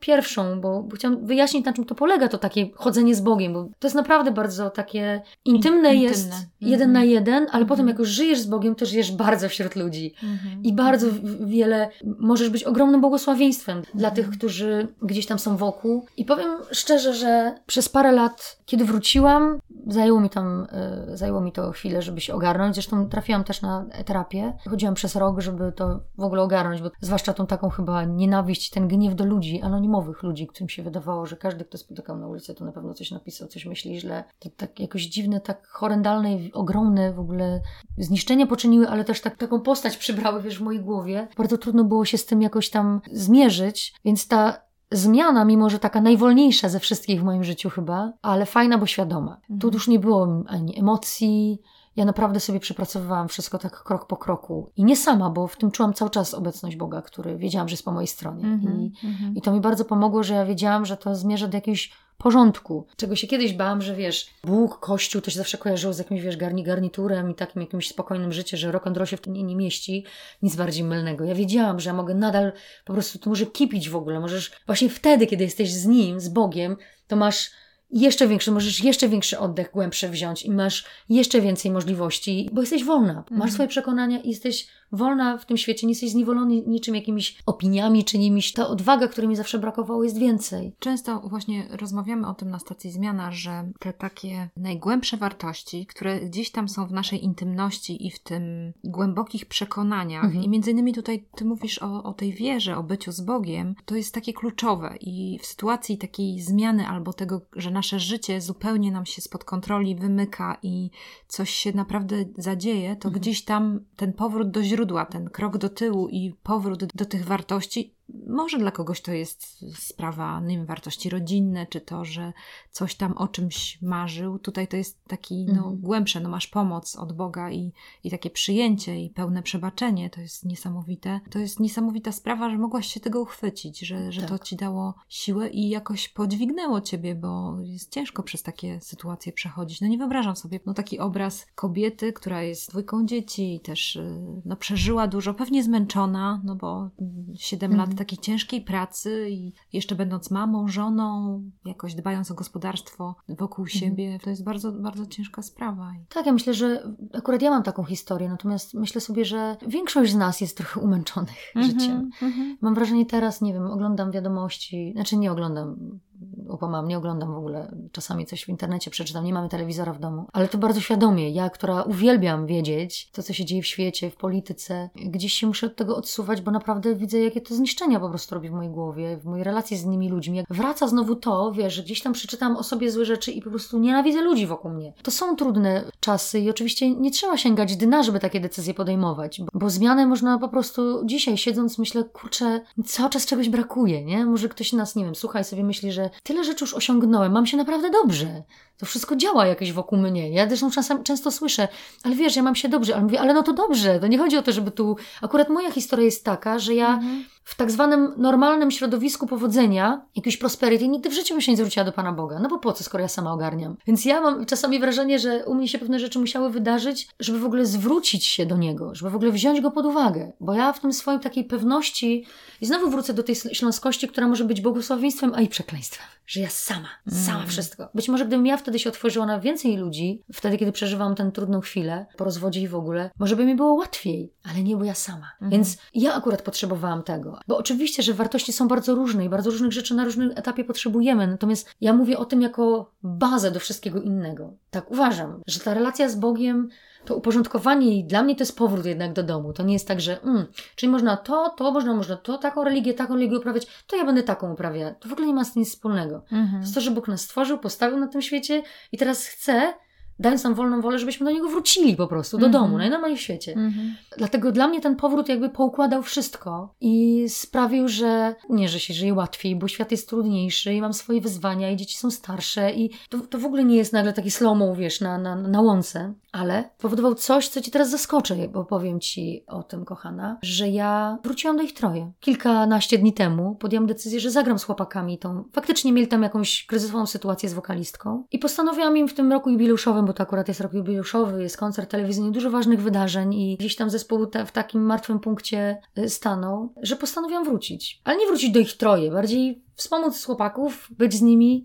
Zaśpiewaliśmy tak trochę przypadkowo. Ja wiem, że to brzmi, że w telewizji się nie występuje przypadkowo. Tak, występuje się przypadkowo. Ja wystąpiłam tam w jakiej to melodii, jako część tego zespołu. 10 lat później, bo 10 lat minęło od tych wszystkich wydarzeń. Jak stanęliśmy i po prostu zaśpiewaliśmy, wiesz, i się okazało, że to dalej jest tam, pomyślałam sobie, że, że ja chcę dzisiaj trochę inaczej. Ja znam doskonale chłopaków, ja wiem, co tam się dzieje. Wiem, co się dzieje w zespole od zawsze, wiem, jak to działa, funkcjonuje. Zresztą z Michałem ciągle przecież mamy dzieci, więc mamy kontakt, więc to nie jesteśmy tak, że 10 lat w ogóle się nie widzieliśmy. I dzisiaj pomyślałam, że ja chcę tam być też, żeby powiedzieć o tym, czego ja doświadczyłam. Oni wiedzą, ale tak, żeby też nie tylko powiedzieć, a być. Mhm. Niby to krótko, długo, no te rok czy tam parę miesięcy. Czuję się w tym miejscu, że chcę to zrobić. Dla mnie to jest kolejny, jeden z takich ostatnich zwycięstwa nad tym wszystkim. Okres przebaczenia i tego wszystkiego, to wszystko miało miejsce. Mówię, minęło 10 lat, a to jest potrzebne. I tak sobie i innym, i pozwolenia, i przyjęcia tego, że ktoś ci wybacza. Rzeczy, ja wierzę, że to, to, to jest nasze człowieczeństwo i cokolwiek robimy, czy śpiewamy, czy pracujemy w księgowości, to to człowieczeństwo jest dla nas takie samo. Czuję, jakby to nie był przypadek, że tam się nagle znalazłam i, i cieszę się na to. Na niektórych koncertach mój mąż gra, to jest tym bardziej jeszcze taka jakaś śmiejemy, że tam, ja nie lubię tego wyrazu patchwork, nie, nie uznaję wyrazu patchwork i nie lubię, jak ktoś tak mówi, bo to nie jest żaden standard. Nie chcę, żeby to zostało mm-hmm. tak jakoś, żeby moje dzieci wiedziały, że nie, no przecież można sobie mieć tutaj drugiego, piątego męża i potem sobie tu ułożyć, z tymi spędzać wigilię, z tymi święta. W ogóle nie, to jest bałagan. Jest jeden mąż, jedna żona i nadal tak uważam. I mimo tego, że ja wyszłam za mąż drugi raz i dziękuję Bogu i za mądrego człowieka, mojego pastora z Warszawy, który mnie w tym po prostu wspierał, mimo że to też niepopularna decyzja, bo dziewczynki były małe i mają wzór też mężczyzny w domu i tego, jak, jak może wyglądać małżeństwo, jak może wyglądać dom. Bardzo się z tego powodu cieszę. No a poza tym, że z muzykiem, to, to, to, to dodatkowo jest jakby tak nas gdzieś tam łączy ta pasja. Fajne to jest, co mówisz, bo też ten temat poruszam często, że to jest jeden z takich ważniejszych obszarów, mhm. o których ogólnie się nie rozmawia i bardzo Ci dziękuję za Twoją szczerość i to, jak mówisz o tej relacji takiej mhm. intymnej, bo ogólnie ludzie wstydzą się, nie mówią o relacji, co myślą na temat Boga, czy On jest, no właśnie, czy nie ma, no. nie zadają sobie takich pytań, a to jest ważny element takiej równowagi w życiu, mhm. że człowiek oprócz tego, że dba o stronę fizyczną, no dbamy o swoje ciało, dbamy Pewnie. o swoje emocje, dbamy o swój rozwój intelektualny, tak. ale o rozwój duchowy czasami zapominamy, po prostu nie zadajemy sobie pytania, czy to wszystko, czy to dokąd ja zmierzam, mhm. czy moje życie ma sens, czy te dary, które mam, to mam od kogoś, czy one są z tak. przypadku, czy przypadkowo ludzie się rodzą z mhm. talentem. To są takie różne pytania, takie, które dotyczą naszej egzystencji. Tak, I to jest tak, fajne, tak. Że, że mówisz, że no, mhm. gdzieś po prostu ta, ta sfera duchowa, ona się otworzyła. Bardzo mi się podobało kiedyś y, taki przykład widziałam, y, to Andrzej Choryza powiedział coś takiego, że, że ta sfera duchowa, ona daje nam większą siłę emocjonalną. I być może teraz możesz więcej udźwignąć, nie? że będziesz w, tym samej, w tej samej rzece, jakby w tej samej rzece, która już jest inną rzeką, no bo ona płynie, tak bo nie można dwa razy do tej samej rzeki wejść, bo ona ciągle płynie i na pewno będzie inną rzeką, mhm. tylko po prostu jesteś już inna, przemieniona. Też przebaczenie, bardzo ważna sprawa. Nie? Tak, tak, no. to jakoś no, buduje. Nie wiem, co się tam wydarzy, mhm. ale myślę, że wszystko to, co czujemy, o co sobie myślimy, to tak naprawdę zostaje skonfrontowane z tym, co się potem dzieje w naszym tak, życiu, tak, prawda? Bo możemy tak. sobie dzisiaj rozmawiać o tym, Bóg jest taki, taki, taki, interesuje mnie, nie interesuje, ale potem nagle coś się dzieje i stoimy skonfrontowani z jakimś wydarzeniem w naszym życiu i trzeba coś z tym zrobić. Ono po prostu tak nie przepłynie. Poza tym ja w ogóle nie wierzę w takie życie pod tytułem ja tutaj sobie ogarnę ogródek, postawię wysoki płot i tam się wszystko wydarzy, bo jesteśmy zależni od siebie i to dobrze. No ja mam ludzi w swoim życiu, kilkoro, ale mam ludzi, którzy naprawdę są, byli i wierzę, że głęboko wierzę, że to sam Pan Bóg ich postawi w moim życiu. To są zwykli ludzie, to nie są anioły, ani jakieś inne tam nadprzyrodzone postacie. To są zwykli ludzie, którzy zawsze są w tym miejscu, którym powinni. To jest bzdura, że jesteśmy samotnymi wyspami, które gdzieś pływają. Któryś z myślicieli stwierdził, że jesteśmy samotnymi wyspami, które gdzieś tam pływają po wielkich odmętach wszechświata, czy, czy, czy wszechrzeczy, czy, czy cokolwiek. No nieprawda. Siedzimy dzisiaj we dwie i sobie rozmawiamy i, i mimo tego, że ja 90% tego czasu zajęłam mówiąc, więc przepraszam, ale wiem, że poza nawet rozmawiamy ze sobą, to obie mamy coś do, do, do powiedzenia, to mhm. mamy przyjemność z tego, że rozmawiamy, że przebywamy ze sobą. Mi się wydaje, że te interakcje y, międzyludzkie są bardzo ważne. To jest ta siła dodatkowa, o której ty mówisz, dla mnie, tego, że poznałam Boga i gdzieś tak ta duchowość się tak osadziła, wiesz, ożywiła w moim życiu, to ja się nie boję ludzi, nie boję się z nimi zawierać, bo wiesz, uczą cię, że no tak, ale wiesz, nie możesz wszystkim ufać. Nie każdy chce dla ciebie dobrze. No oczywiście, że tak, ale z drugiej strony tymi kilkoma przypadkami, nawet z mojego życia, gdzie się przejechałam, że ktoś mnie zranił, nie wrzucę wszystkich do jednego worka pod tytułem wszyscy są źli i ochronię siebie, najlepiej wtedy ochronię swoje serce, jak je po prostu zamknę. To jest nieprawda. Mhm. I to jest dla mnie największe zwycięstwo, że ja ze swoją duchowością, ze swoim związkiem z Bogiem jestem wśród ludzi. Bo prywatna jest moja relacja z Bogiem, ale już bycie w ogóle nie. Ja wręcz, ja mam naturę w ogóle taką, że bardzo lubię ludzi, dlatego mnie to tak bardzo zraniło, kiedy wiesz, po tych komentarzach musiałam ich odsunąć i wszystkich uznać za wrogów. To to było chyba dla mnie naj, naj, takim najtrudniejszym przeżyciem, że tak ktoś mnie okradł z tej takiej bezinteresownej po prostu, wiesz, ciekawości ludzi. My naprawdę mamy siebie nawzajem w życiu i my naprawdę możemy siebie nawzajem poprosić o pomoc. Ja na Śląsku jestem nauczona tego, że nie prosi o pomoc. Mhm. Ty jesteś od tego, żeby dawać pomoc, ale jak tobie się dzieje źle, zaciśniesz zęby, będą ci łzy kapać po plecach, ale się nie przyznasz do tego. To jest tam Śląsk gdzieś jakieś takie tradycyjne, że te właśnie te stachanowcy, wiesz, te kobiety tam po prostu takie twarde, ale dzisiaj mam wrażenie, że ten świat nas w ogóle uczy, że najlepiej i najbezpieczniej jak jesteśmy sami zamknięci w naszym domu, ewentualnie tam z bliskimi i to też tymi członkami rodziny, którym ufamy, wiesz. Mm -hmm. Straszne to jest okradzenie nas z czegoś, do czego wam mam wrażenie przysposobił nas sam Bóg. No, mm -hmm. Dał nam właśnie siebie nawzajem i te relacje razem są bardzo ważne i ja na swoich koncertach często mówię, mówię ludzie spójrz w prawo, spójrz w lewo, My czasami nie wiemy, koło kogo siedzimy. Nie wiem, w samochodzie, w kościele, w szkole, w pracy Bo komuś może się właśnie życie łamać i nawet nie jesteśmy, nie mamy tego świadomości, bo nie jesteśmy nauczeni mówienia, opowiadania o tym i wszystkim proszenia o to, bądź ze mną. No nie mówisz pójścia do specjalisty, jak się coś dzieje, ale po prostu, nie wiem, koleżanki czy osoby, nawet czasami właśnie z kościelnych ambon padają wielkie słowa o miłości, o poświęceniu, o przebaczeniu. Ale dla mnie przebaczenie to były po prostu rozmowy, czasami płaczem zakończone, ale znowu wracaniem do tego, czasami jakimś wrzaskiem, jakimiś kłótniami, ale które doprowadziły do tego, że mogłam powiedzieć: OK, dziękuję Ci Boże, że mi pomogłeś wybaczam sobie, wybaczam o sobie, nie wiem, jakkolwiek. E, opowiadam Wam tutaj o różnych rzeczach, których doświadczyłam, ale za tym stał żywy człowiek, który czasami obrywał, czasami sam zadawał ciosy, bo przecież te, w tą stronę to też działało. Mhm. Więc myślę, że takie poczucie tego, że naprawdę to jest skarb, który nam dał Bóg, nam siebie nawzajem i tego, że wcale nie jesteśmy jakimiś tam pojedynczymi egzemplarzami zdanymi na siebie. Na zakończenie chciałam Cię zapytać, Ania, o takie myśli, które pojawiły się w tym okresie, to na pewno tutaj postawiłaś tą stopę na Bogu, w sensie mhm. takim, że zostałaś sama z dziećmi i jakoś musiałaś sobie poradzić, bo no widzimy tutaj happy end, widzimy to, że macie rodzinę i to marzenie twoje się spełniło, mhm. posiadania rodziny i życia też z muzykiem, co jest fajne, bo ciebie rozumie, ale być może nasi słuchacze przechodzą też taki moment trudny w swoim mhm. życiu. Co ci pomogło, żeby jakoś utrzymać się na powierzchni, to znaczy wiem, że tam na pewno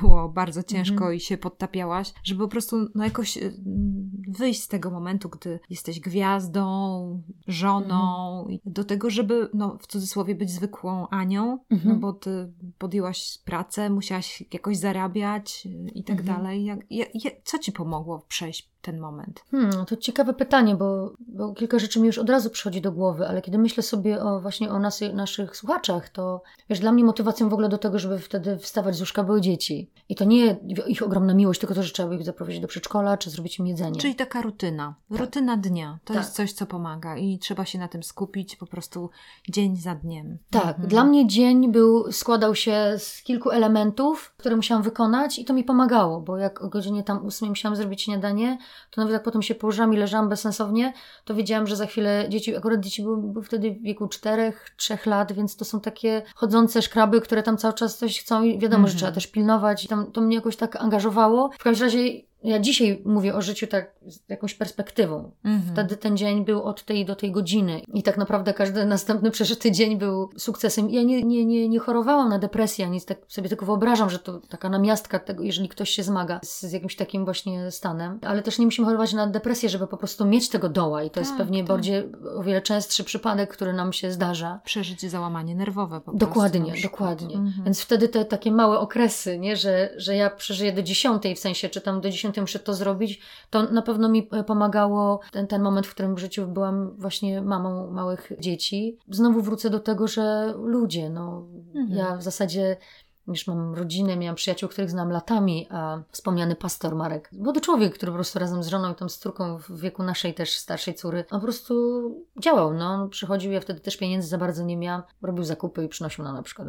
I tak tylko cześć, cześć, w ogóle wszystko w porządku, okej, okay. i jakby tyle, bo wiedział, bo go wtajemniczyłam, bo wiedział z czym się zmagam, mimo tego, że tego w ogóle nie rozumiał, w ogóle nie miał nic wspólnego z muzyką, to to był dla mnie taka osoba postawiona przez, e, przez, przez Pana Boga. Michał, który wtedy nie był moim mężem, ale gdzieś się tam pojawił, czasami jak ja ja gdzieś tam y, potrzebowałam wyjść, bo ja jeszcze wtedy miałam takie przekonanie, że może zawodowo jakoś spróbuję utrzymać na powierzchni, ale co się okazało w ogóle totalną bzdurą, bo jedynie czego chcieli to się dowiedzieć, co się tak naprawdę stało, jak wyglądał rozwód, albo jaki jest naprawdę Michał. Czy tam zostawał właśnie z, z dziewczynkami, czy gdzieś się podwoził, miał samochód. To, to było coś, z czym, co dla mnie było trudne, bo ja nie potrafiłam przyjąć pomocy. Ja naprawdę mm. nie umiem mówić, prosić o pomoc. Ja jestem zadaniowcem, ja zrobię, ja zadbam, ja pierwsza zapytam, jak się masz, a o, o siebie po prostu, o sobie zawsze zapominam. Nie mówię tego jako tam laurkę, bo to nie jest dobre po prostu. To, to jest taka fałszywa duma. Nie, nie, nie będę nikomu zawracać głowy. Nie, nie, ja to sama. To jest jest duma. To jest udawanie, że jesteś lepsza niż inni. Tego się dowiedziałam o sobie też, że, że takie załatwianie sprawy nie ma nic wspólnego z jakimś altruizmem, z jakimś takim dobrym sercem. W ogóle nie. Bo powiedziałaś dzisiaj o tym dbaniu również o swoje emocje i to jest bardzo ważny ten balans. Ta świadomość tego, że jesteśmy jednak częścią czegoś większego. Myślę, że im więcej sobie tłumaczymy, że jesteśmy po prostu sami jedyni, wyjątkowi i w ogóle to nagle się okazuje, że tej wyjątkowości nikt nas nie jest w stanie ogarnąć i naprawdę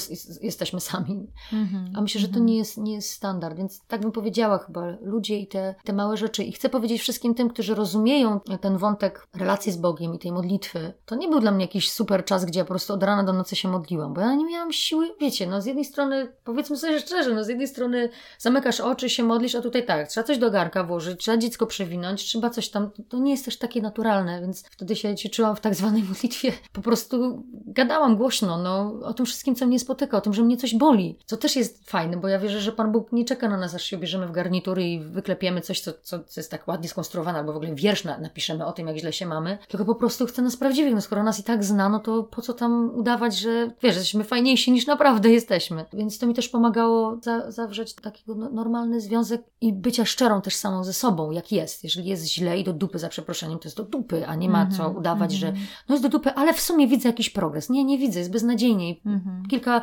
dni pytań, jak się mam, było zawsze źle. Mhm. Ale musiałam się tego nauczyć, żeby powiedzieć źle, a nie, nie, no w sumie okej. Nie, nie jest okej, jest po prostu beznadziejnie, więc ta szczerość jakaś taka z tym, co nas otacza, też bardzo pomaga, bo mam wrażenie, że gdzieś tam wypowiedziane to słowo tak jakoś głośno minimalizowały ten, ten dół, wiesz, w środku. Ten ból. Coś tam- środku, tak. Co, co, coś tam się Aha, działo, no.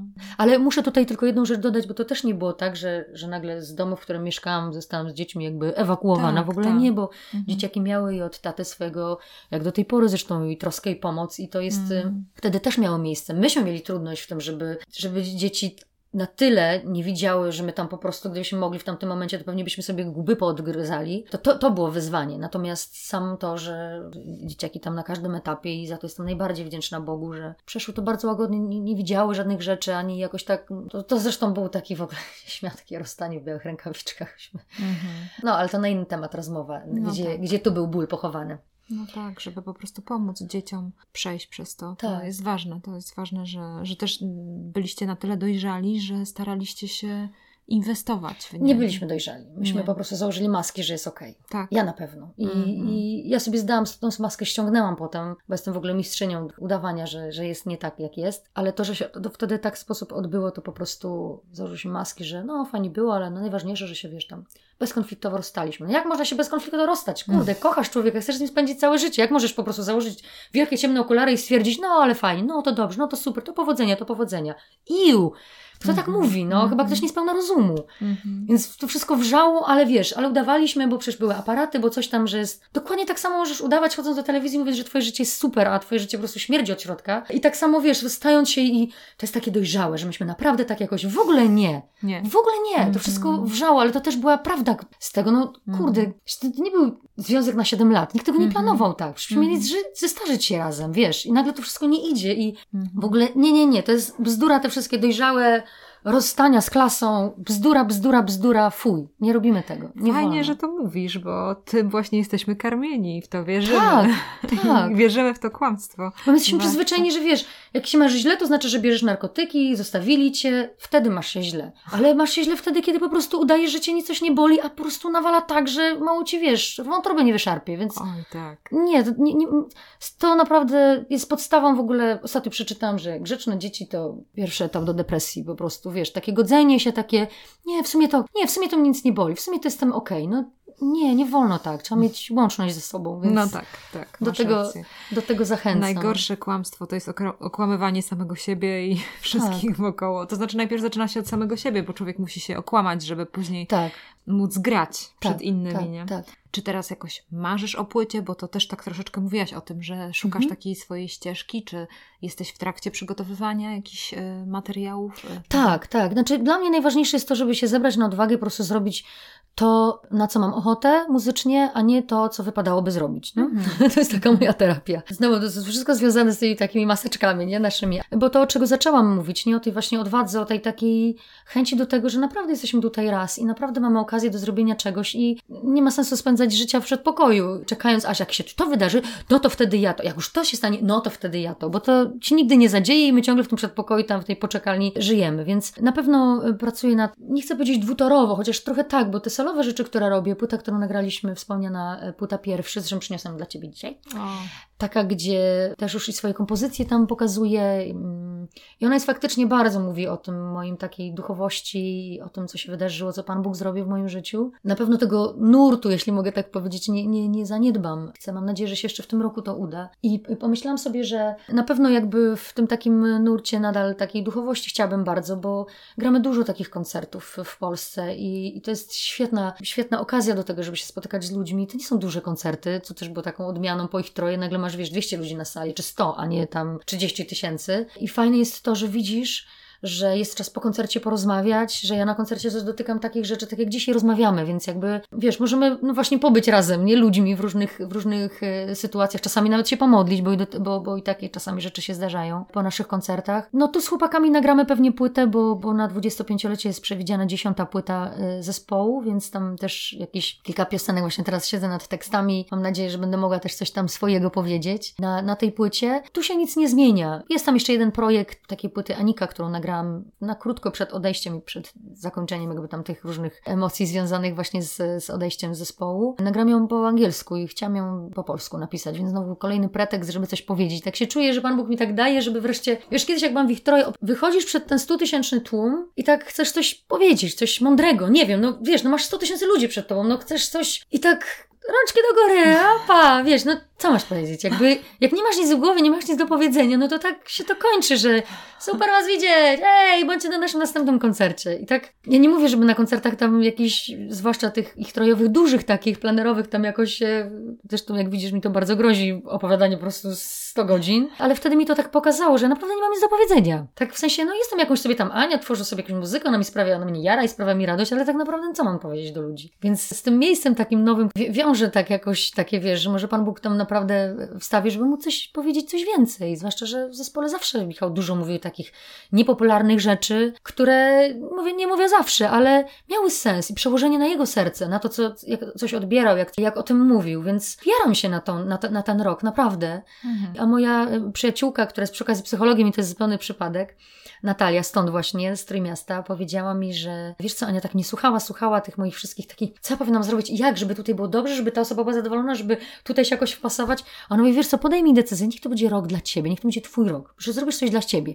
Nie y, grozi Ci jakiś taki y, ekstremistyczny egoizm, więc możesz się naprawdę wyluzować i po prostu zrobić coś dla siebie. A czasami to wcale nie znaczy pójście do spa, chociaż czasami tak, ale dla mnie nie. Dla mnie to jest przestawienie się z myśleniem na to, że to jest okej, okay, żeby sobie coś zrobić dla siebie, żeby zrobić, żeby zrobić coś odważnego, coś, czego nigdy nie zrobiłeś. Wiesz, hasło na moim fanpage'u grupy roboczo nazwanej Ania Bention od czterech lat ma tą roboczą nazwę i to jest straszne, to jest fuj nazwa, no ale Ania Bent, tak się, tak, tak się gdzieś tam roboczo nazwaliśmy. Stare drogi nie otwierają nowych drzwi. I myślę, że to, co Pan Bóg daje, tą odwagę do tego, żeby żyć po prostu. I to nie bać się tego, że jutro będzie źle. No okej, okay, może będzie gorzej, to może będziesz potrzebowała z kimś posiedzieć, popłakać, nie wiem, cokolwiek, ale że mhm to jest właśnie częścią nas i to jest piękne. Więc w myśl tej zasady stare drogi nie otwierają nowych drzwi. Tym razem poszłam taką nową ścieżką, że spotkamy się za rok, to Ci opowiem, co z tego wynikło. Mam nadzieję, że o, same dobre bardzo rzeczy. Chętnie. No. Super.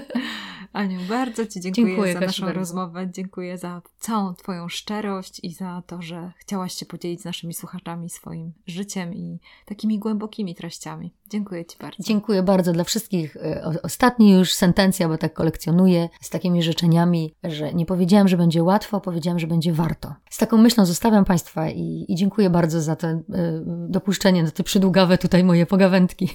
Dziękuję bardzo, Kasiu, Tobie też za, za, za cudną wizytę Dzięki. moją tu.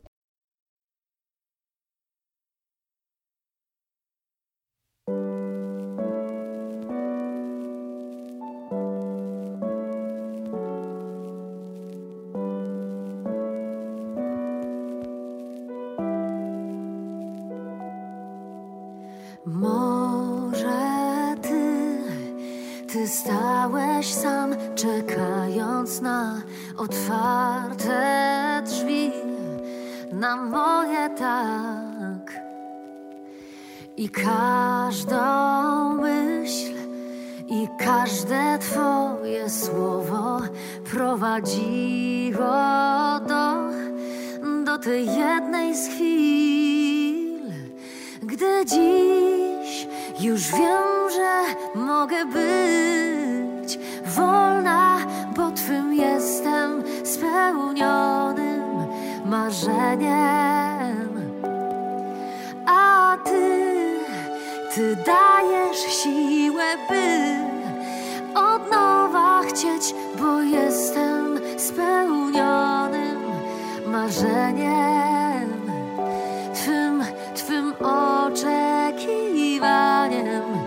Na